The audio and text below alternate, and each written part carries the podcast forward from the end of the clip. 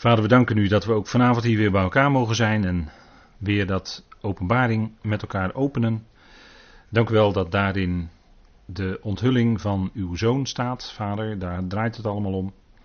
Vader, dank u wel dat hij centraal staat in uw woord, dat we hem mogen kennen als ons hoofd, het hoofd van het lichaam van Christus.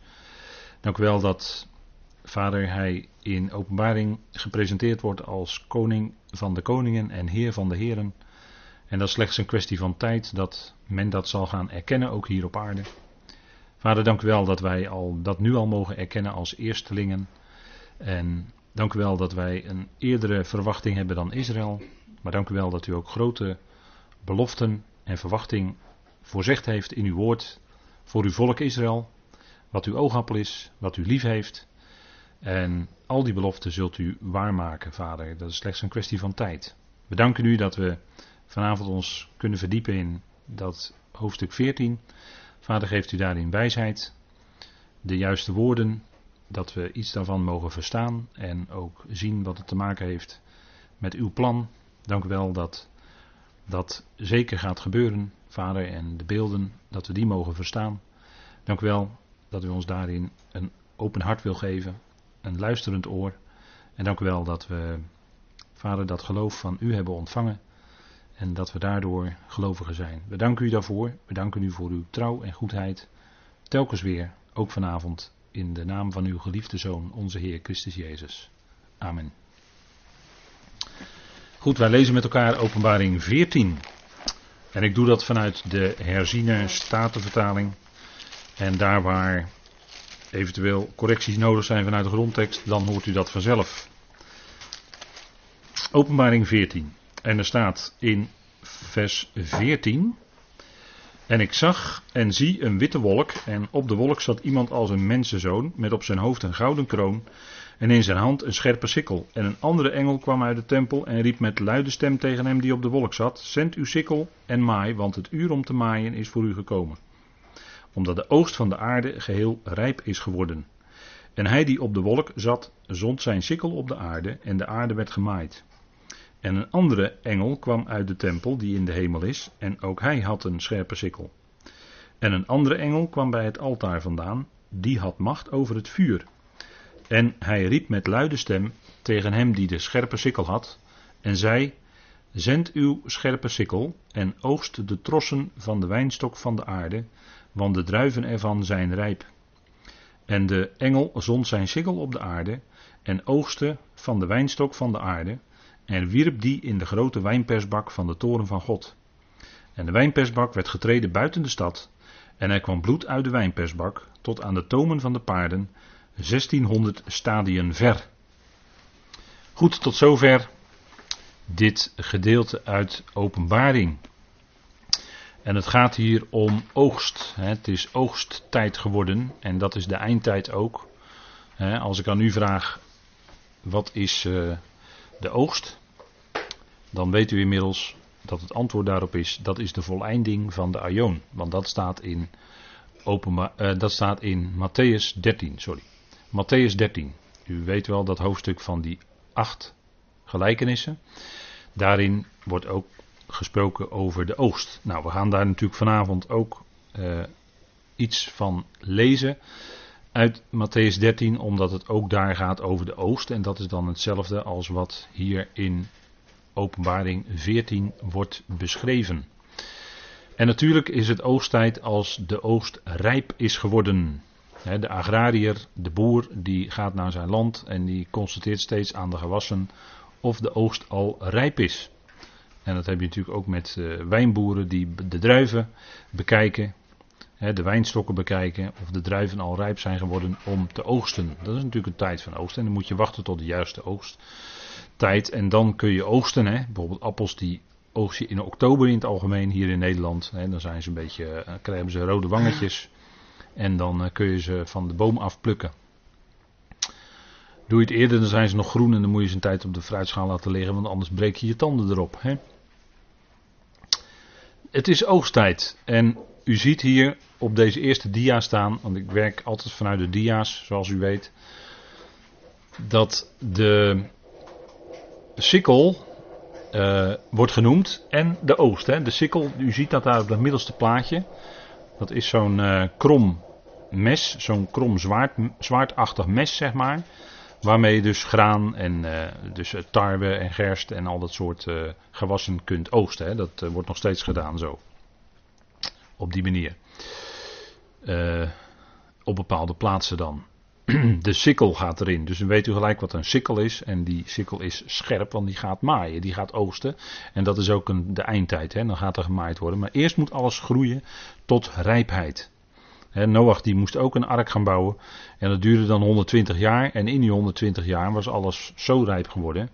En dan zo rijp bedoel ik natuurlijk dat het gericht moest komen. En dus de hele zaak onder water gezet moest worden. En Noach en zijn gezin werden gered. Maar dat was omdat de tijd dan vol was. En u weet ook dat het tegen Abraham werd gezegd: hè, dat de, eerst moet de maat van de ongerechtigheid van de Amorieten vol zijn. En dan pas komt de verlossing. Hè? Dat, zo staat het daar. Dus eerst moet die maat moet helemaal, het moet helemaal volgroeien tot iets. En we leven in de tijd dat het behoorlijk aan het volgroeien is, allemaal. Het kwaad en de afwijking van God. Hè? We leven in de tijd dat het mensen afstand nemen van het geloof. Er komt geen opwekking meer, maar mensen nemen afstand van het geloof. Dat is wat Paulus zegt. Uh, Paulus niet. Paulus zegt dat de geest, in 1 Timotheus 4, dat de geest uitdrukkelijk zegt dat in de laatste dagen er nogal wat zullen afvallen van het geloof. Dat wil zeggen afstand nemen van het geloof. En wij leven in die laatste dagen. Dus wij verwachten geen opwekking, maar wij verwachten dan wat daar staat in 1 Timotheus 4. En dat zien we ook onder onze ogen gebeuren. Alle berichten over mensen die een geweldige verwachting over een opwekking uitspreken ten spijt. Sorry, maar ik lees in de Bijbel toch wat anders. En daar, daar houd ik het altijd toch maar op. Goed, we hebben met elkaar ook al iets gezien over deze vergelijking. En ik heb het op deze dia, we hebben de vorige keer heb ik er ook iets van gezegd. Maar op deze dia heb ik het nog even wat anders bij elkaar gezet, op een andere manier, zodat het misschien nog wat duidelijker is. Je hebt namelijk twee keer dat er toegewerkt wordt in de tekst van openbaring naar een einde. En in beide gevallen heb je dan twee groepen waarvan het einde wordt beschreven. Het einde is dan het eind, de eindfase, hè, het, het, het, het, gericht wat moet komen aan het einde van deze boze aion. Die, die natuurlijk nu al volgroeid is met het boze. En de eerste, is, de eerste groep zijn dan de getrouwen of de gelovigen van Israël. Die worden uitgebeeld in de tarweoogst. En die worden uitgebeeld in het bruiloftsfeest van het lammetje. En die beide, die groep wordt dus genoemd in openbaring 14 en in openbaring 19. En in één adem worden in die gedeelten ook een andere groep genoemd namelijk de afvalligen van Israël, want dat, die zijn er dan ook. Hè, de afvalligen van Israël, dat, dat is een belangrijke factor ook in de eindtijd. Die worden genoemd in als de wijnoogst en Gods grote diner. Dat is dan ook openbaring 14 en 19. Maar als u de structuur ziet van openbaring, en ik heb al, die al een keer aan u meegegeven, voor zover ik weet, dan uh, zult u dat ook kunnen terugvinden. Maar je ziet dus die twee groepen, zowel de getrouwen, de gelovigen, als de afvalligen uit Israël, die worden dan eigenlijk genoemd onder bepaalde beelden. En ik heb hier eh, op deze dia, links ziet u, eh, laat maar zeggen, tarwe, als ik het goed heb. En rechts ziet u de valse tarwe, dat is de zogenaamde dolik.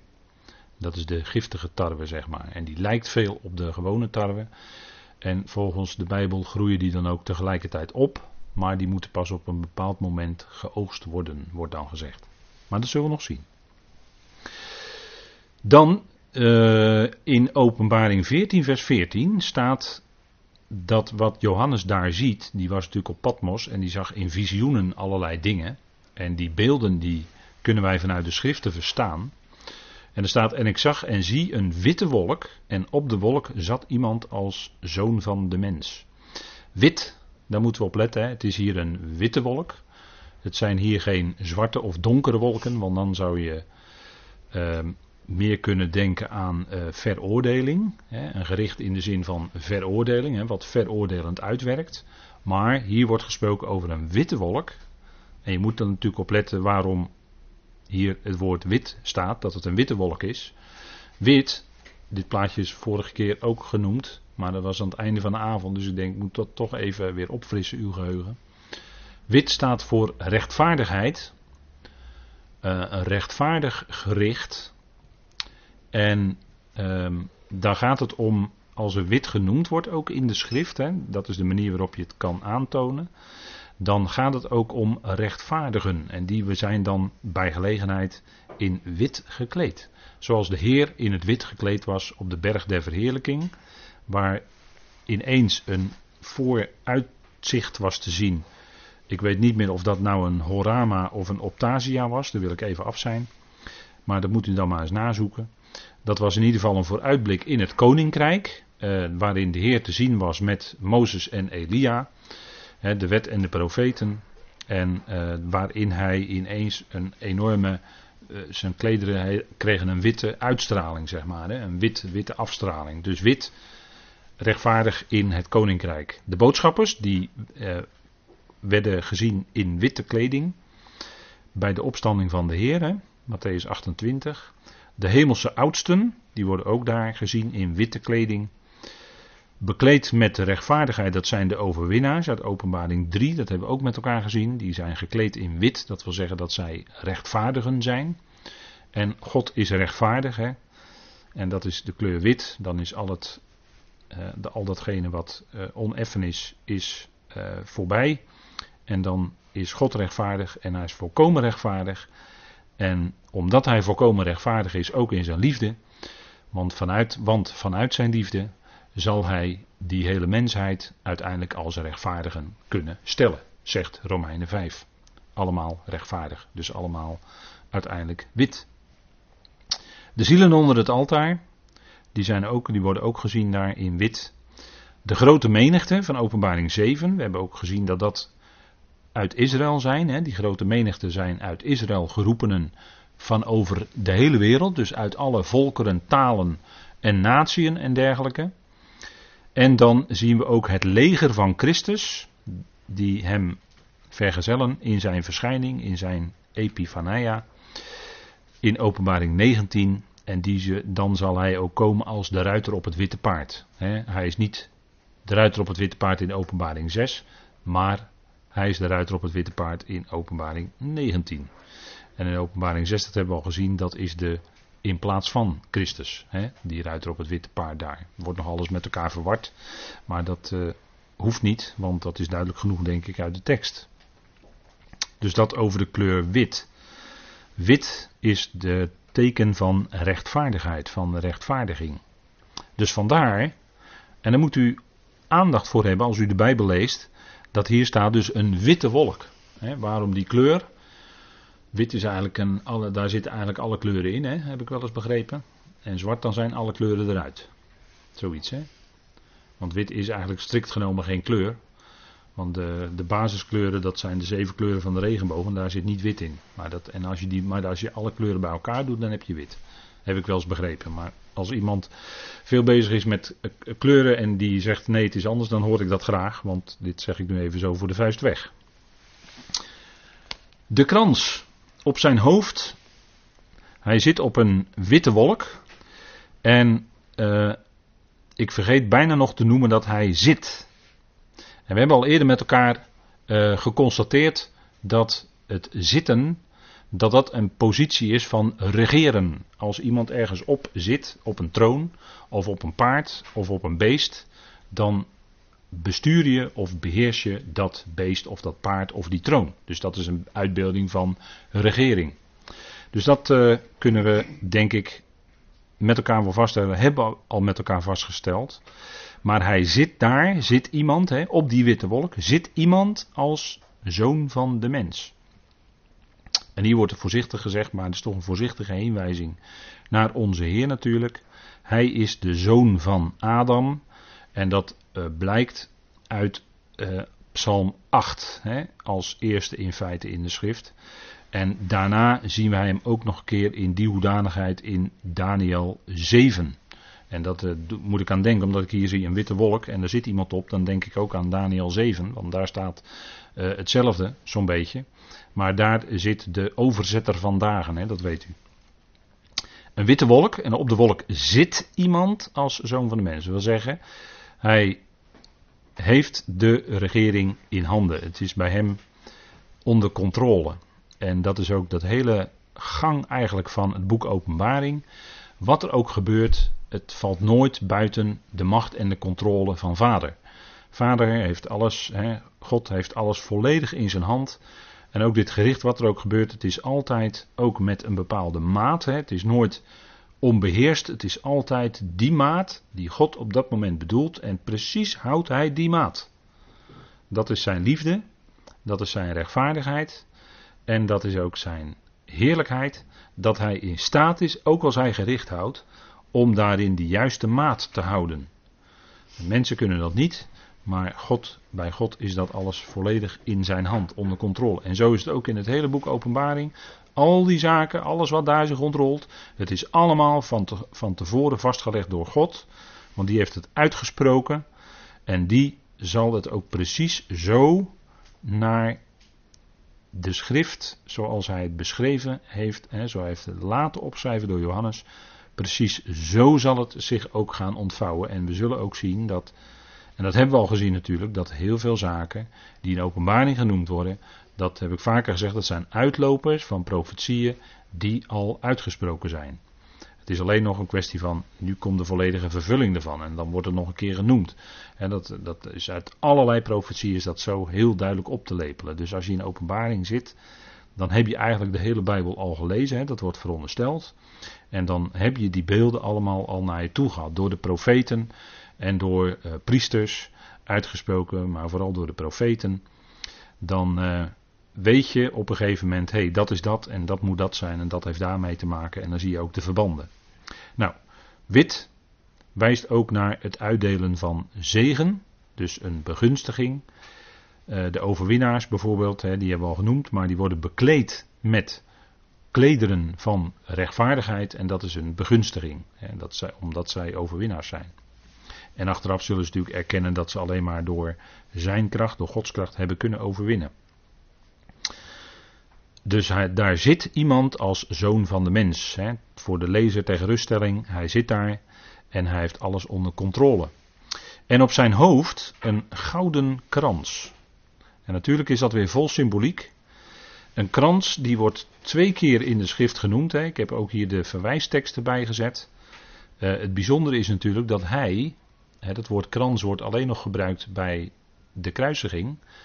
Toen hij werd gekruisigd, toen had hij een doornenkrans. Er wordt natuurlijk altijd het woord kroon vertaald, maar dat is toch niet helemaal nauwkeurig. Het is het woord Stefanos en dat is krans vanuit het Grieks. Bij het woord kroon moet er eigenlijk in het Grieks dan staan diadeem. Dat is meer het woord wat voor kroon wordt gebruikt.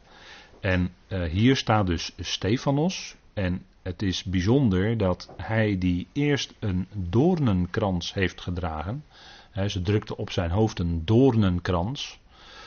En dat is natuurlijk een uitbeelding van het lijden van de prikkels. In doornen zijn prikkels. Hij werd daar enorm geprikt en geprikkeld door de mensen. En ze sloegen hem, hij die zonde zonde was, werd volkomen ten onrechte aan het kruis genageld. En met een doornenkrans op zijn hoofd. Als, als enorme uitbeelding van het diepe lijden wat hij daar onderging. was volkomen onterecht. Hij was de zoon van Adam en hij is de zoon van God. En die hebben ze aan het kruis genageld. En zo heeft hij de zonde van de wereld gedragen. Hè? Zie het lam van God dat de zonde van de wereld wegdraagt, zei Johannes. Hè? En dat was hij op dat moment. En in die hoedanigheid droeg hij niet een gouden kroon, niet een gouden krans, maar een doornenkroon. Een doornenkrans. En eh, als, als uitbeelding ook van, hè, want dorens, dorens en distels hebben in de schrift ook te maken met de wet. Dat is ook een uitbeelding van de wet. En eh, hij werd ook door de handen van hele wettische mensen werd hij overgeleverd in de handen van de Romeinen. En door de handen van de Romeinen werd hij uiteindelijk gekruisigd. Maar Petrus zei op de Pinksterdag in Handelingen 2: Jullie, en dan, hij sprak ze aan met huis Israël of mannen van Israël. Jullie hebben hem aan het hout genageld, zei hij tegen zijn eigen volk. Zei Petrus, hè, die zelf Jood is, hè, die zelf, zelf deel van het volk Israël is, zei dat tegen zijn mede-volksgenoten. Dus dat, kwam geen heiden aan te pas. Maar Petrus zei dat tegen zijn eigen volk: Jullie hebben hem aan het hout genageld. Deze Jezus die God en tot Heer en tot Christus heeft gemaakt. Dat is wat Petrus zegt in Handelingen 2.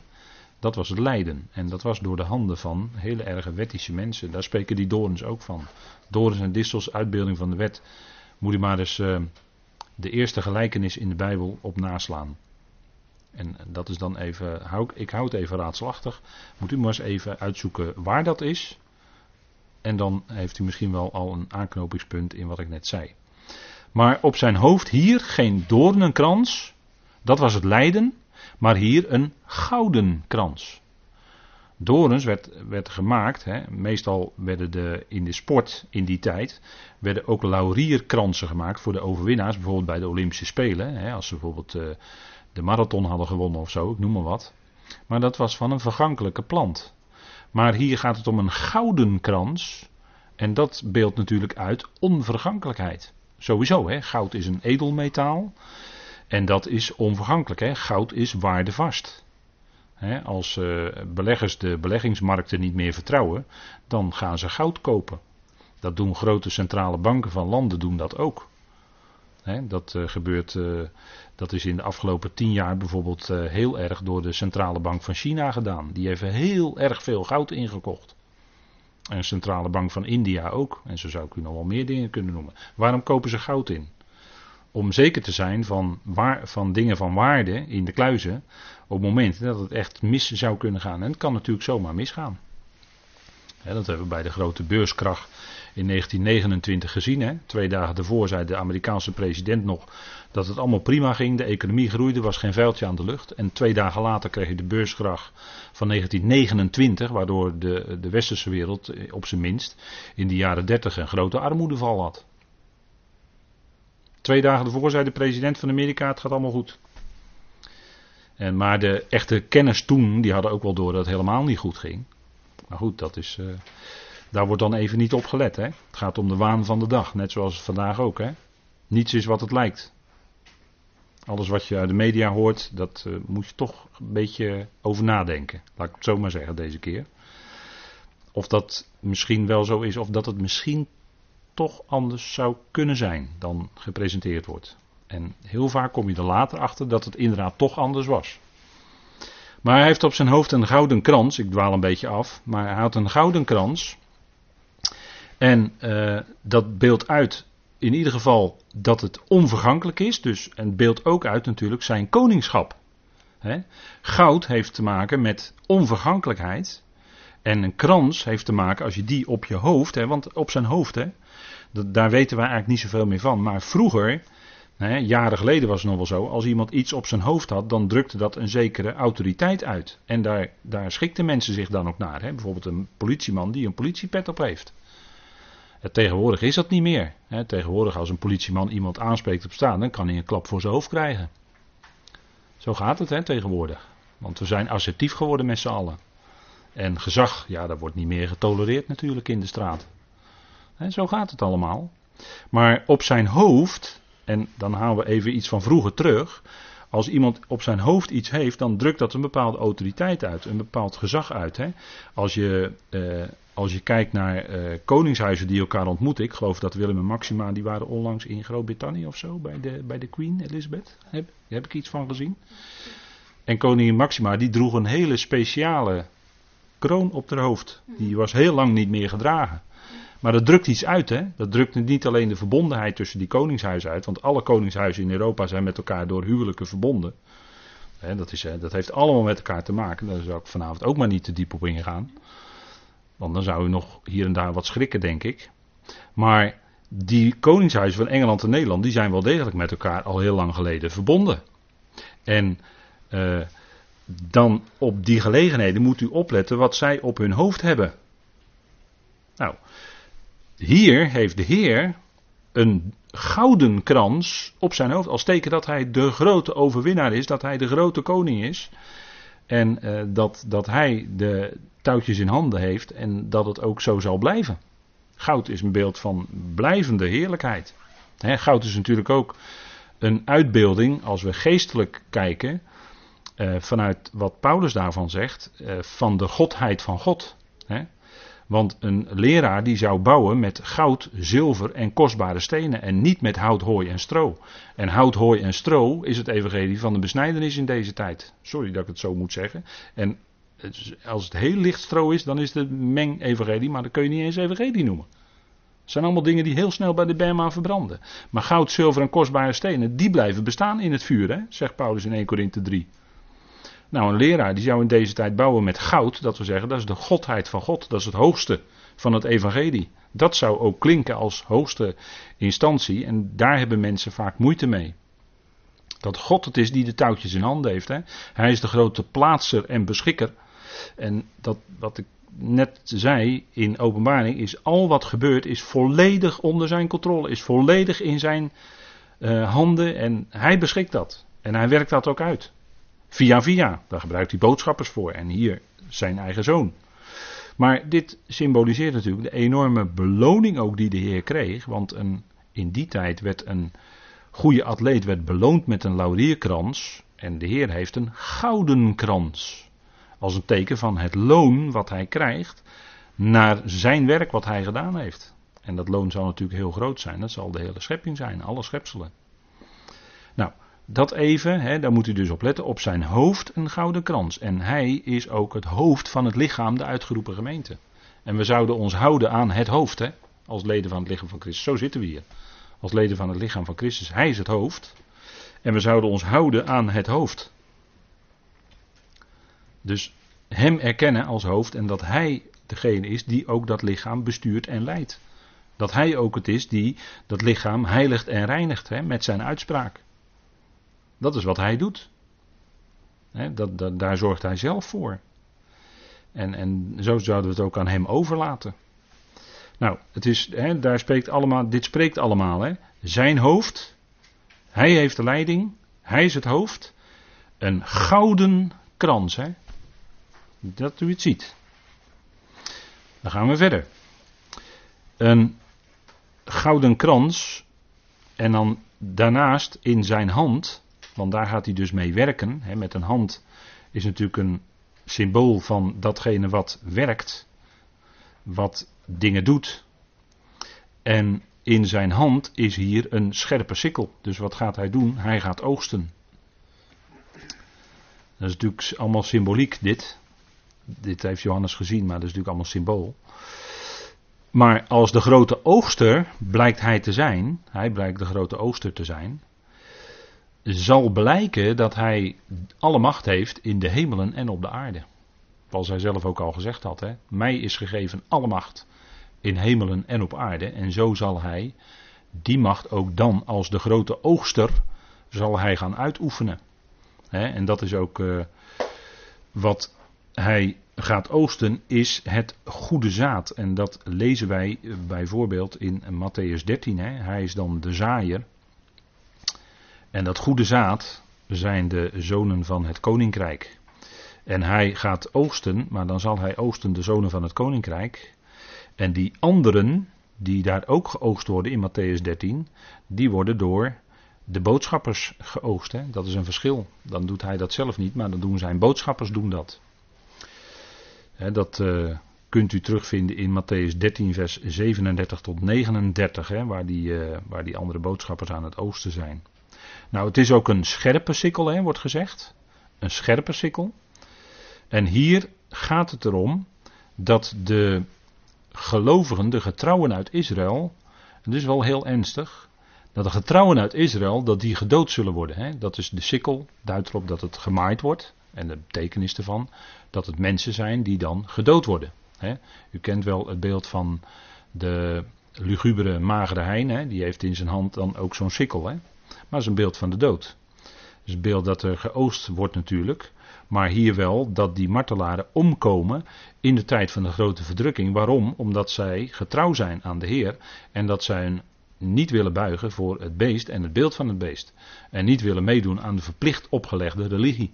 Want u moet ervan uitgaan dat wij natuurlijk al heel dicht zitten bij een communistische, u hoort goed wat ik zeg, een communistische werelddictatuur. Dat gaat komen. Een dictatuur à la het communisme in Rusland en China wat we gezien hebben. En dan begrijpt u dat van de Russische vlag het beeld de hamer en de sikkel is. En u weet inmiddels wat die sikkel betekent, hè? Of bent u de bloedige Russische revolutie van 100 jaar geleden vergeten? De Oktoberrevolutie van 1917, wat daar gebeurde. Bent u dat vergeten? Of bent u vergeten wat daaraan vooraf ging, dat de Tsarenfamilie uitgemoord werd? Dat was heel bloedig hoor. En een voorloper ervan was de Franse Revolutie. Weet u wat er in Frankrijk gebeurde? Heeft u op uh, school wel gehad, hè? Franse Revolutie. Wat er met de Franse adel en dergelijke allemaal gebeurde.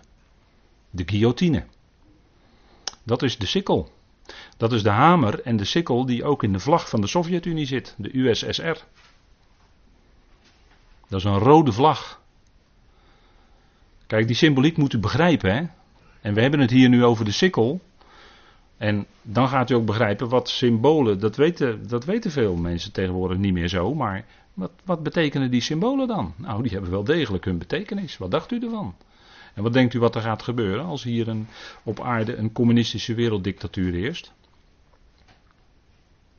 Dat staat allemaal in openbaring beschreven, dus we kunnen de plaatjes, of we kunnen die vraag zo beantwoorden hoor. Maar dat is wat gaat gebeuren. De getrouwheid Israël, waar dan ook ter wereld, maar ze zullen vervolgd worden. En we zien in onze tijd al een steeds sterker toenemend antisemitisme. Onlangs nog in Pittsburgh. 11, 12 Joodse mensen in de synagogedienst zomaar gedood. Zomaar, nee, niet zomaar, de antisemitisme. Dus dat zien we eh, hand over hand toenemen, dit soort aanslagen. Het is verschrikkelijk. Alleen vanwege het feit dat zij Joden waren. Daarom werden ze gedood. Oude mensen.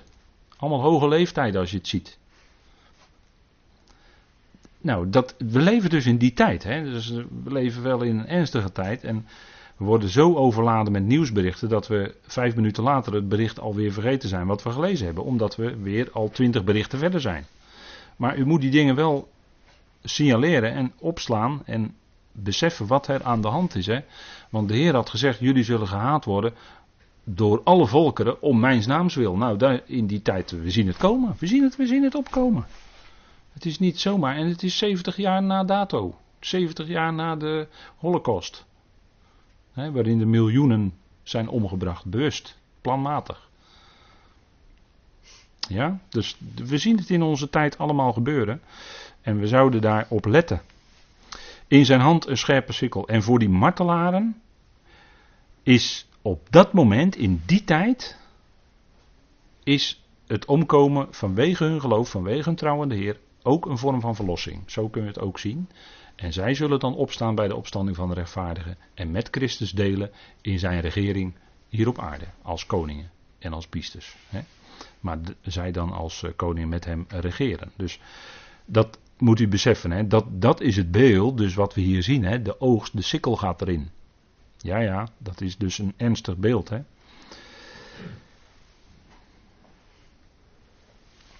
Een andere boodschapper kwam uit de tempel. En daar hebben we het weer. Hij kwam uit de tempel.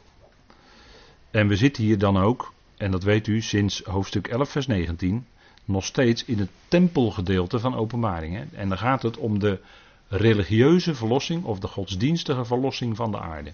Dus dat is een behoorlijk lang gedeelte in openbaring, waarin ook de meest intense gerichten vermeld staan. Hè?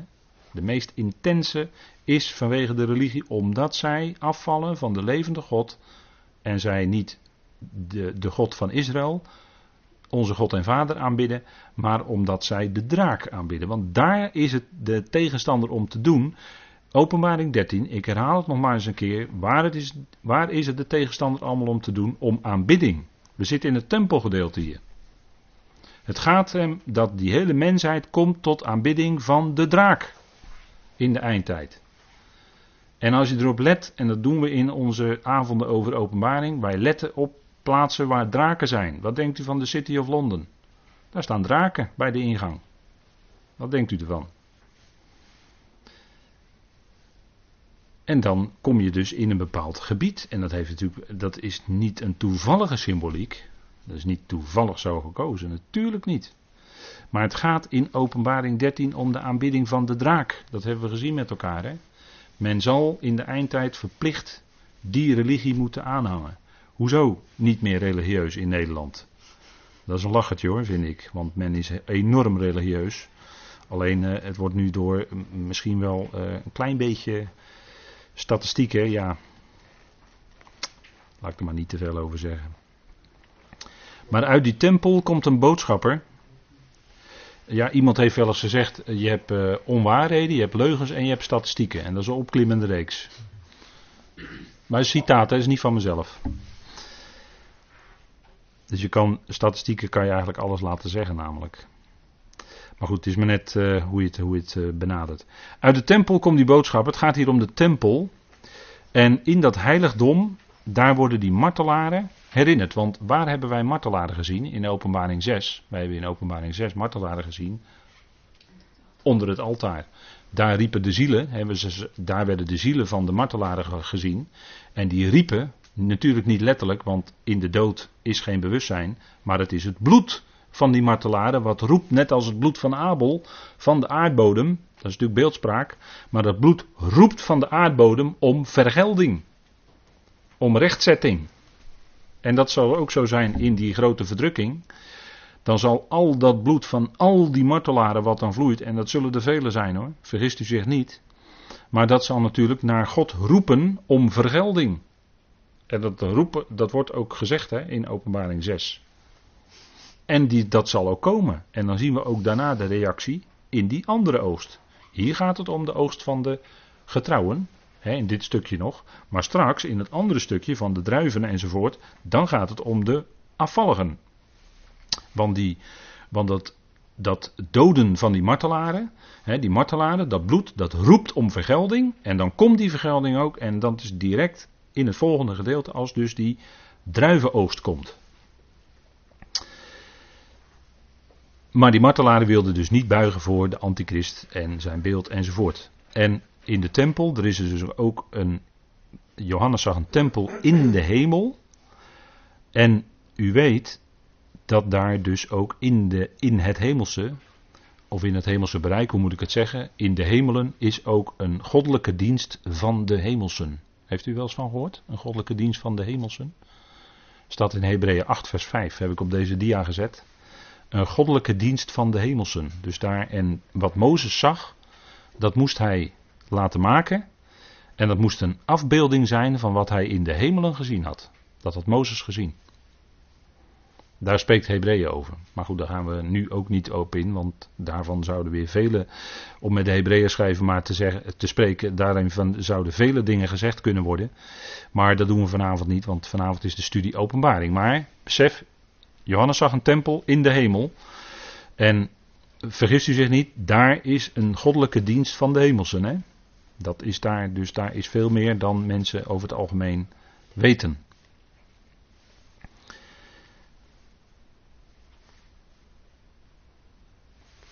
En hij riep met luide stem. Hij riep met luide stem. En als een boodschapper van God, als die met luide stem roept, dan is het ernst. En dan wordt er ook echt iets gezegd. tegenwoordig wordt er natuurlijk veel geroepen en hebben mensen vaak een luide stem.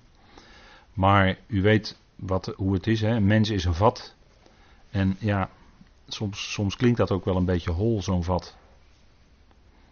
maar als een, uh, als een boodschapper van God, als die met luide stem roept, bijvoorbeeld uh, Malachi, dat, is, dat betekent letterlijk mijn boodschapper, nou, dan spreekt hij over Esau en Jacob. Hij spreekt over Elia. Hij spreekt over de zon van de gerechtigheid. Hè? Dat is de Heer. Aardse heb je, aardse boodschappers en hemelse boodschappers. En dat is een beetje jammer in onze vertaling. Er wordt altijd over engel gesproken. Dat is wel het een beetje van Latijns Griekse woord, hè? angelos, engel. Dat is bijna hetzelfde. Maar dat is, dan wordt er altijd gedacht aan hemelse wezens met vleugels. En nou goed, u weet dat de Bijbel daar heel anders over spreekt. aardse hemelse boodschappers die geven een bericht door, hè? die geven een boodschap door. De naam zegt het natuurlijk al. Maar Johannes was bijvoorbeeld een boodschapper en Malachi. Maar zelfs de Heer zelf wordt ook een boodschapper genoemd in. Uh, ik dacht ook het de eerste versen van Malachi, als ik het goed heb. Maar boodschappers, die zijn er om een boodschap van God dan over te brengen. En die spreekt dan tegen hem die op de wolk zit. Die hebben we net al gezien, maar die wordt hier nog een keer genoemd. Tegen hem die op de wolk zit, wordt nog een keer gezegd dat hij zit. Dus dat wordt benadrukt hè, in dit stukje. En dit doet heel sterk denken aan niet de oude vandaag uit Daniel 7, hè, die we hebben gezien. Hè, die zit dan op een wolk, een oude man met wit haar enzovoort. En dan uh, wordt er, uh, zo wordt God dan vaak door mensen spottend afgebeeld, maar dat is natuurlijk helemaal niet waar. Eigenlijk is hij de overzetter van dagen. Hebben we al eens een keer eerder met elkaar ook gezien. Hè? De overzetter van dagen. Dus hij doet ook bijvoorbeeld de dag des mensen, zet hij over in de dag des Heren. Hij zet de dag des Heren over in de dag van God. dat zijn die dagen, die stappen die God zet in zijn plan. De overzetter van dagen. Hè? Maar dat geldt niet alleen voor zulke grote dagen, maar ook voor als er nauwkeurig geteld moet worden in Daniel. Dan uh, hebben we het over 1260 dagen, 1290 dagen, 1335 dagen bijvoorbeeld. En dat is ook wat hij doet. Hè? Hij zet de dagen over. Al de dagen zijn in zijn hand. Onze dagen als mens zijn geteld door God. God weet precies tevoren hoeveel dagen en hoeveel uren wij zullen leven bijvoorbeeld. Dat weet hij van elk mens. Weten wij niet, want wij zijn maar klein en beperkt. Maar God is zo groot dat hij dat weet en dat hij al die mensen kent. En dat hij ook al die mensen lief heeft. Maar wel al die dagen al geteld heeft tevoren. Dat zegt eh, de psalmist. En dat is natuurlijk toch wel heel bijzonder. Dat als een mens aan het leven begint. Dan heeft die mensen geen benul van hoeveel dagen die zal leven. Maar bij God is dat allemaal vast. Dus allemaal ook, ook dat is in zijn hand. Hè. De psalmist zegt ook: Mijn tijden zijn in uw hand. Een prachtige tekst. En zo is het ook. Die psalmist wist dat en dat gaf hem rust. Mijn tijden zijn in uw hand. En, en ook als de dagen in ons leven moeilijk kunnen zijn, dagen van moeite, van pijn, van verdriet. En uh, ik zeg het wel vaker, als je ouder wordt, dan gaat het ook steeds moeizamer. Dan gaan de dagen ook steeds moeizamer. En dan is het een geweldige troost om te weten dat God de tijden van ons leven in zijn hand heeft. En dat Hij bepaalt. En dat Hij ook bepaalt hoe lang iets duurt. En dat Hij ook draagkracht geeft in de dagen dat het moeilijk is. Dat Hij draagkracht geeft in, in fasen van ons leven waarin we het misschien soms helemaal niet meer zien zitten, menselijk gesproken. of neergedrukt worden. We noemen dat een depressie. Maar dat we neergedrukt worden door omstandigheden, door dingen, door gedachten, door. Noem maar op. Dat kan een mens overkomen. Daar kunnen we elkaar niet op afrekenen. Dat komt nou. Maar daar zouden we juist dan voor bidden als we dat horen van iemand. Dan zouden we juist voor die ander bidden. Dat de Heer dan draagkracht geeft in die omstandigheden. Elia was op een gegeven moment ook depressief. Die wilde dat, dat God hem maar wegnam. En net al die, al die 800, eh, wat was het, 850 van die, eh, die, die van de tafel van Izebel aten. Die, eh, op die berg had hij het allemaal te kijk gezet. Hè? en had hij een geweldige overwinning behaald. Nou, de Heer natuurlijk had de overwinning behaald. Geweldig. En, en even later zit hij onder de boom en zegt de Heer, neem mij maar weg. En dan zeggen wij, dan is hij depressief. Maar Elia is net zo'n mens als wij. En hij werd getroost. Ja, er zijn er nog 7000 die hun knie niet voor de baal gebogen hebben. Er is altijd nog een gelovige rest. Was ook in Elia's dagen zo. En ook in Paulus' dagen. Dat was ook troost voor Paulus toen hij dat opschreef. In, uh, in Romeinen 11. dat er nog 7000 waren die hun knieën niet voor de baal gebogen hadden in Elia's dagen. Nou, zo zegt hij, zo is er ook in deze tijd een rest naar de verkiezing van de genade. Ook een rest uit het volk Israël, zeker. En, en dat, dat is uh, een geweldig feit hoor. Dat is wat ons troost biedt. En dat, wat dat is wat Elia ook troostte. Hij was gewoon mens. Hij was een grote profeet, maar hij is ook gewoon mens. En zo zijn wij ook. We zijn niet uh, anders dan Elia of zo. Ons overkomen ook dagen dat we het gewoon moeilijk hebben. Dat we het gewoon niet meer zien zitten. Hoe moet het nou verder? Met dit en met dat en met dat en met zus en met zo. Kan allemaal, maar dan is de geweldige troost om te weten: God heeft de tijden in zijn hand. Hij bepaalt het. En daar kunnen we dan rust in vinden. we, hoeven niet daarin te wanhopen, maar we hebben altijd weer hoop en verwachting. dat biedt het profetisch woord ook hoor, want ik vind dat openbaring, maar ik zeg heel nadrukkelijk, ik vind dat openbaring een boek is van hoop, van uitzicht, van verwachting.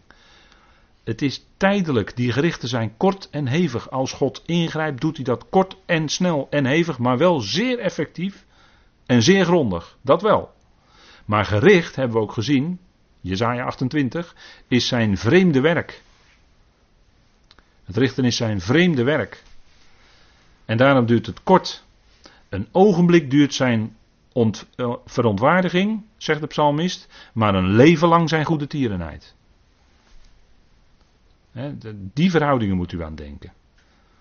en, en kort, een kort ogenblik is zijn verontwaardiging en daarna is het 2000 jaar lang is het genadetijd. Nu gaat God ingrijpen, want het is de culminering waar we in leven van de boze Aion. God gaat ingrijpen, gaat het boek Openbaring over. Maar hij doet dat in relatief zeer korte tijd. En daarna is het weer duizend jaar regering van de Messias. Ik zeg niet dat het daar volmaakt is, maar het is wel duizend jaar regering van de Messias. Melchizedek. Vrede en gerechtigheid. Zeker, dat zal er zeker zijn. De onderwijzing zal uitgaan vanuit Sion en Jeruzalem, zeker. Dat zal tot zegen van de volkeren zijn. Klimaat zal ook anders zijn. Klimaat verandert steeds, dus dan is het ook weer anders. Hè? Ja. ja, die kon ik toch even niet onderdrukken. Sorry, ik moest het toch even zeggen. Maar dan is het klimaat zeer aangenaam. En dan zal, zal er uh, elk jaar voldoende oogst zijn. En dan zullen de koningen optrekken naar Jeruzalem bij het Loofhuttenfeest. Zeker. Dat gaat dan allemaal gebeuren. Dat zal een bijzondere tijd zijn. En dat zal heel wat beter zijn eh, wat dat betreft dan eh, de afgelopen 2000 jaar. Maar geestelijk gezien, de afgelopen 2000 jaar, een geweldige tijd. Want het is de tijd van de genade. Overstromende genade. Genade zit op de troon. Genade regeert. Geweldig. En in die tijd wordt het lichaam van Christus uitgeroepen. Totdat, totdat die bazuin klinkt. En daar zien we naar uit. En dat, dat is ook, onze tijden zijn in zijn hand. Hij heeft de tijd ook van die bazuin bepaald. Dat is op zijn dag, op zijn tijd, op zijn uur. Maar het gaat gebeuren, zeker. Maar onze tijden zijn in uw hand. En daarin kun je rusten. Ook als je s'nachts wakker ligt, kan je dat misschien bedenken. Vader, oh ja, mijn tijd is in uw hand. En dan kan je misschien weer rustig inslapen. Ik weet het niet.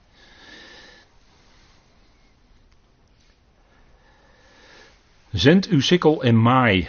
Dat is wat eh, de sikkel zou doen. Hè. Die is bedoeld om te maaien. En u ziet dat het in Israël wordt ouderwets, zeggen wij dan, de sikkel gewoon nog gebruikt door de rabbijnen. En door hier door de Chassidim. Het uur om te maaien is voor u gekomen omdat de oost van de aarde gedroogd is. En dan is de tijd gekomen, dat is Gods tijd, daar had ik het net al over. Ik liep denk ik een beetje vooruit in mijn spreken, maar het is Gods tijd en dan is de oogst ook rijp. Dan is het Gods tijd, dan is de juiste tijd. Hè? Dan zal hij gaan oogsten. Zend uw sikkel en maai, want de sikkel zou maaien. Het uur om te maaien is voor u gekomen omdat de oost van de aarde gedroogd is. Het is rijp geworden.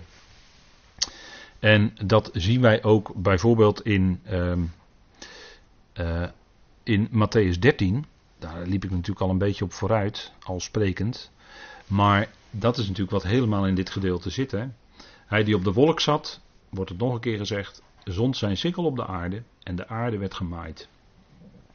En dat maaien, dat lezen wij in Matthäus 13. Laten we dat even met elkaar doen. Matthäus 13, dat zijn die uh, bekende gelijkenissen, waarin dingen, u weet het, hè, in gelijkenissen worden dingen verborgen. Worden niet dingen geopenbaard, maar worden dingen verborgen, want er moet uitleg komen wat het betekent. Als het niet verborgen was, zou die uitleg niet nodig zijn. Ook al heeft u misschien uh, wel eens ooit anders geleerd, maar gelijkenissen is altijd verbergt iets. Je moet de symboliek begrijpen die gebruikt wordt. En ondanks, uh, C, ondanks C.H. Spurgeon bijvoorbeeld, hè, er is een heel dik boek van Spurgeon, de gelijkenissen, maar goed. Een andere gelijkenis, uh, even kijken, Matthäus 13, vers 24. Een andere gelijkenis hield hij hun voor. Hij zei: Het koninkrijk der hemelen daar gaat het dus over, is gelijk aan iemand die goed zaad zaaide in zijn akker. Maar toen de mensen sliepen, kwam de vijand en zaaide onkruid tussen de tarwe en ging weg. Toen het gewas opkwam en vrucht voortbracht, kwam ook het onkruid tevoorschijn. De slaven van de heer van het huis gingen naar hem toe en zeiden: Heer, hebt u niet goed zaad in uw akker gezaaid? Waar komt dan dit onkruid vandaan? En hij zei tegen hen: Een vijandig mens heeft dat gedaan. De slaven zeiden tegen hem: Wilt u dan dat wij erheen gaan en het verzamelen? Maar hij zei: Nee, opdat het u bij het verzamelen van het onkruid niet misschien tegelijkertijd ook de tarwe zelf uittrekt. Maar laat ze allebei samen tot de oogst opgroeien. En in de oogsttijd zal ik tegen de maaier zeggen: Verzamel eerst het onkruid en bind het in bossen om het te verbranden, maar breng de tarwe bij elkaar in mijn schuur. Dus u ziet dat de Heer uitdrukkelijk, uitdrukkelijk zegt: nee, je moet het laten opgroeien. En dat moet je doen tot de oogsttijd, hè, vers 30. En dan komen pas de maaiers. Dus dan mag er pas geoogst gaan worden. Dat is de juiste tijd. Dat is de Heer van het huis die het bepaalt. Hè. Dus niet voorbarig handelen, niet eerder maaien of niet eerder handelen dan dat de Heer gezegd heeft. En dat is voor ons natuurlijk. Er zit altijd iets in voor ons. Hè. Wij kunnen als mensen willen we graag vooruitgrijpen op dingen, willen we graag snel dingen regelen. Maar ik heb geleerd dat je altijd even moet wachten. Nooit snel reageren. En zeker met e-mails niet, dat heb ik wel vaker gezegd. Nooit snel reageren. Ik laat ze altijd een paar dagen staan. Als, als, er, als er een vervelende reactie bij me opkomt, dan laat ik die mail staan. En dan overweeg ik het een aantal dagen. En dan daarna reageer ik pas. En dan komt er iets heel anders uit vaak dan dat ik in eerste instantie had willen zeggen of mailen. En dat is met heel veel dingen zo. Mail is misschien ook een praktisch puntje, maar met heel veel dingen zo in het leven. We zijn vaak als mensen, ook als gelovigen, voorbarig. We willen snel handelen, we willen snel dingen regelen. Maar ik pleit er altijd voor om te wachten. Eerst te wachten, te bidden, af te wachten wat de Heer bedoelt. Wat wil de Heer nou? Welke kant wil de Heer op? En dan blijkt het vaak toch net weer even anders te zijn. En ik denk dat dat, dit is een algemeen iets wat ik even nu zeg, maar ik denk dat dat in heel veel dingen heel goed kan werken. Weet ik uit ervaring ook wel. En hier zegt de Heer, je moet niet dat tarwe bij elkaar verzamelen, want dan neem je, of je moet niet dat die onkruidkorrels verzamelen, nee, want dan neem je misschien ook het tarwe mee. Nee, wacht maar tot de oogst. Dan gaat er gemaaid worden en dan kunnen, kunnen we het zien en kunnen we het uit elkaar halen. En tot die tijd lijkt het misschien net echt, dat is ook in het geestelijke zo. Dat is ook in het geestelijke zo. Er is ontzettend veel wind van leer. Efeze 4, hè? Er is ontzettend veel wind van leer. Dus allerlei onderricht is er, ook op het christelijk erf. Maar dat is niet altijd naar de schrift. Je zou het toetsen aan het evangelie van Paulus. Want dat is het evangelie wat in deze tijd zou klinken. En als het die toets niet kan doorstaan, dan zou ik daar afstand van nemen als ik u was. Dat is alleen maar even een, een tip. U kunt, iedereen kan alles luisteren op internet wat je maar wil. Je kan alles opzoeken op websites wat je maar wil. Prima, moet je zelf weten. Ik geef alleen maar een tip. Toets het aan de schrift. Is het ook zo? En we zouden alles toetsen, dat zegt 1 Thessalonicense 5. We zouden alles toetsen, toetsen en het uitstekende zouden we bewaren. Wat is uitstekend? Dat is wat overeenstemt met het evangelie van Paulus. Dat is het uitstekende onderricht voor deze tijd. En dat zit ook een beetje hierin. Hè. Laat die tarwe maar opgroeien, zegt de Heer. En ga dan op de juiste tijd oogsten. En dan kun je wel uit elkaar halen wat goed is, wat de kinderen van het koninkrijk zijn en wat het andere is. Ja, en dan hebben we ook de uitleg nodig, want het zijn allemaal verborgenheden hebben we gezien, de uitleg, en die lezen wij in 36 tot 43. Toen Jezus de menigte had laten weggaan, ging hij naar zijn huis. En de, zijn discipelen kwamen bij hem en zeiden: Verklaar ons de gelijkenis van het onkruid op de akker. Dus die hadden een verklaring nodig. Dus je hebt aan de gelijkenis zelf heb je het niet. Je hebt de, uitleg nodig. En dat is vaak zo. Je hebt de uitleg nodig. Met symboliek ook. En gelijkenis is nu eenmaal symboliek. Het onkruid op de akker. Hij antwoordde en zei tegen hen: Hij die het goede zaad zaait, is de zoon des mensen. Kijk, dat is de verklaring. Nu weet je hoe het zit. Nu weet je wie die goede mens is, wie die heer van het huis is. Dat is de zoon van de mensen. Hij zaait het zaad en wat is hier het goede zaad? Dat is hier het evangelie van het koninkrijk. Want het gaat hier om het koninkrijk van de hemelen. Dus het goede zaad is hier het evangelie. Dat kan niet anders, hè? De akker, wat is de akker? Nou, de akker is de wereld. En het goede zaad zijn de kinderen van het koninkrijk, hè, waarin het evangelie wordt gezaaid. En het onkruid zijn de kinderen, eigenlijk staat er twee keer zonen, van de boze. Zonen van koninkrijk en zonen van de boze. Dus dat is het onkruid. En de vijand die het gezaaid heeft is de dooreenwerper, hè, is de diabolos. Die alles door elkaar gooit. Ook twee evangelieën graag door elkaar wil gooien, zodat je geen evangelie meer overhoudt. Dat is zijn werk, dat is het werk van de diabolos. Daar is die, daar is die steen goed in, om alles door elkaar te husselen, zodat jij niet meer weet hoe het zit. Dus dat is natuurlijk aan de orde van de dag in onze dagen. Zo heel veel meng-evangelie wat je hoort. Niet zuiver. En dan hoor je ook niet de zuivere genade. Want er is altijd nog iets wat jij zelf ook moet doen. Dat is onzuiver. En dat kan niet. Dat is het doorheenwerpen die dan de zaak door elkaar gooit. Genade en werken sluiten elkaar uit.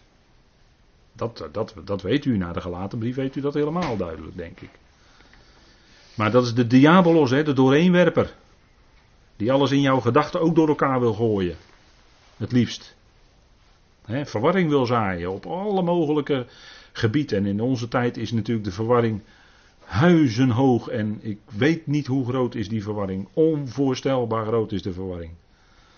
En mensen weten ook niet meer wat, wat, eh, wat wit is en wat zwart is. Mensen weten niet meer wat rood is en wat blauw is. Mensen weten niet meer wat. Eh, en noem maar op, hè. ik gebruik die kleuren maar even als symboliek voor al het andere wat je kan noemen. Maar overal is verwarring over, op alle terreinen. Dat is het werk van de diabolos.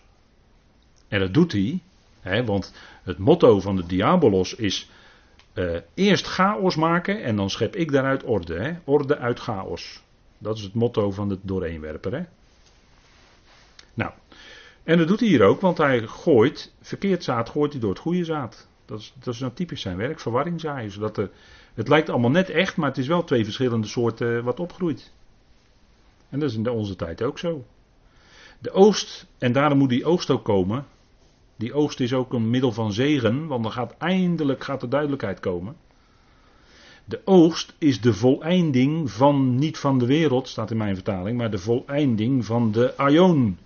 Ik kan het niet hard genoeg zeggen. Er staat hier geen kosmos, maar er staat aion in de grondtekst hier. Zullen we nou toch krijgen? Jongen, jongen, jongen. En de maaiers zijn de boodschappers. De maaiers zijn de boodschappers. Kijk, nu hebben, nu hebben we de gelijkenis verklaard gekregen. Hè? Nu weten we wat het betekent. Zoals dan het onkruid verzameld en met vuur verbrand wordt. En dan zegt de Heer. Zo zal het ook zijn bij de voleinding van deze aion. En nu gaat hij helemaal duidelijk worden. De zoon des mensen, dat is hij zelf, de zoon van Adam, de laatste Adam, zal zijn boodschappers uitzenden en ze zullen uit zijn koninkrijk verzamelen alle struikelblokken en hen die wetteloosheid doen. Maar Heer, wij hebben toch in uw naam demonen uitgeworpen? Wij hebben toch in uw naam geprofiteerd? En wat zegt de Heer dan? Ga weg van mij, werkers van de wetteloosheid. Matthäus 7 hè, is dat, de bergreden. Ga weg van mij, werkers van de wetteloosheid. En ze hebben in de naam van Jezus hebben ze geprofiteerd. En ze hebben in de naam van de Jezus demonen uitgeworpen en genezingen gedaan. En de Heer zegt, ga weg van mij, werkers van de wetteloosheid. Dat zegt hij tegen ze. Ja, dat zijn ernstige woorden, dat weet ik wel. Maar dat is wat hier staat, hè. Hen die de wetteloosheid doen. En wetteloosheid, dat we zeggen, dat is in het Grieks het woord anomia. Dat wil zeggen geen wet. En wetteloosheid is veel breder dan alleen de wet van Mozes overtreden. Zeg ik nog maar eens even voor alle duidelijkheid erbij. Want dat wordt door sommigen als één op één gezien. Hè. Wetteloosheid, dat is, dat is alleen, alleen overtreden van de wet van Mozes. Nee, wetteloosheid is geen, met geen enkele wet rekening houden. Helemaal niet. Dat gaat nog veel verder dan alleen de wet van Mozes. Anomia. Dat is echt een heel, dat is het uiterste begrip hoor. Wetteloosheid. En we leven in de dagen waarvan de Heer Jezus gezegd heeft dat de wetteloosheid de liefde zal verkillen. En de wetteloosheid zal toenemen. Nou, in die dagen leven wij. En daarom moeten die de wetteloosheid doen, die moeten dan ook bij het einde, bij de voleinding, bij de oogst, ja, die gaan ook geoogst worden. En dan is het wel opgeruimd staat netjes. Zeg maar even op zijn Rotterdamse, opgeruimd netjes. Vroeger, eh, jaren geleden had je dat opzomeren hè, in Rotterdam, opzomeren. Dan ging je alles de straten schoonmaken. Weet u het nog? Opzomeren heette dat. Moet nou aan denken ineens. En ze zullen hen in de vurige overwerpen. En daar zal gejammer zijn en tandengeknars. En dan zullen de rechtvaardigen stralen als de zon in het koninkrijk van hun vader. Wie oren heeft om te horen, laat hij horen. De rechtvaardigen, dat zijn de tzadikim uit Israël. Dat zijn de leraren van uit en van Israël. Die zullen dan stralen, hebben we met de Bijbelstudie van Daniel gezien. Die zullen dan stralen in het koninkrijk van de vader. En dat wening en knessing in de tanden, dat is het Gehenna. Dat is het Dal Hinnom bij Jeruzalem. Dat is wening en knessing van de tanden. Ik geef u de tekstverwijzing erbij, Jezaja 66 vers 24. Dit is niet de hel, hebben we vorige keer over gehad. Hier worden mensen niet voor, voor eindeloosheid gepeinigd, want dan ga je openbaring 14 verwarren met deze teksten en dat kun je niet doen. Dat kun je niet doen. In openbaring 14 ging het ook om de rook van hun pijniging. De rook van hun pijniging, vorige keer uitdrukkelijk op gewezen.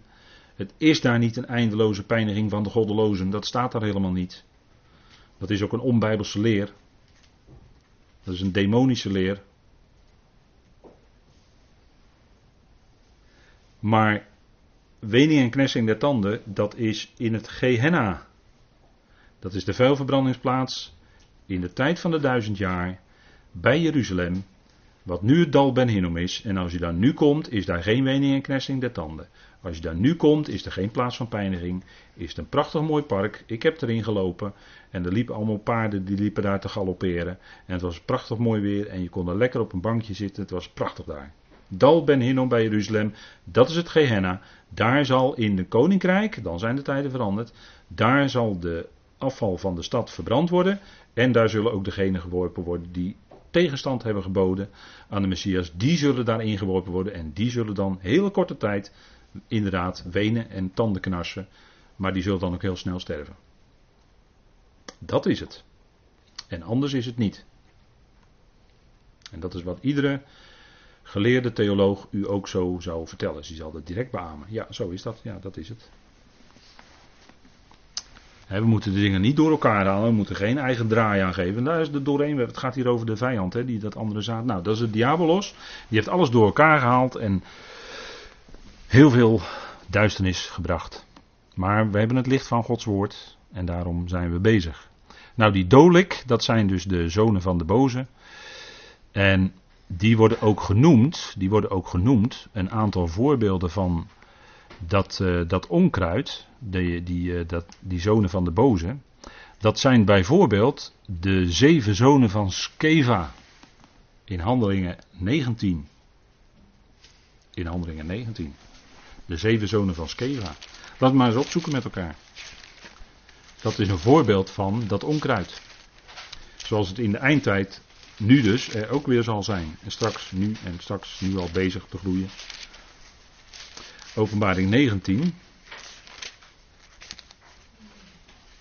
Vers 15. Handelingen 19, sorry. Handelingen 19. Ik zei openbaring geloof ik hè. Handelingen 19, vers 15. En we lezen even vanaf vers 14. Er waren zeven zonen van Skeva, een Joodse overpriester, die dit deden. Maar de boze geest antwoordde en zei: Jezus ken ik en van Paulus weet ik, maar u, wie bent u? Dat waren dus rondtrekkende Joodse duivelbezweerders. Hè? En de man in de boze geest, in wie de boze geest zich bevond, sprong op hen af. Hen is dan die zonen van Skeva. En toen hij hen overmeesterd had, bleek hij sterker dan zij, zodat ze naakt en gewond uit dat huis vluchten. En dit werd bekend bij allen, zowel bij de Joden als bij de Grieken in Efeze. En vrees overvielen allen en de naam van de Heer Jezus werd groot gemaakt. Dus dit waren bedriegers vers 13, rondtrekkende Joodse duivelbezweerders of duiveluitwerpers. Die waagden het de naam van de Heer uit te spreken over hen die de boze geesten hadden. En ze zeiden, wij bezweren u bij Jezus die door Paulus gepredikt wordt. Dat zijn degenen die de Heer ook dan bedoelt, over wie ik het net had. Hè? Hebben wij niet in uw naam demonen uitgeworpen? Hebben wij niet in uw naam? En dan zegt de Heer, ga weg van mij, werkers van de wetteloosheid. Goed, we gaan even met elkaar pauzeren.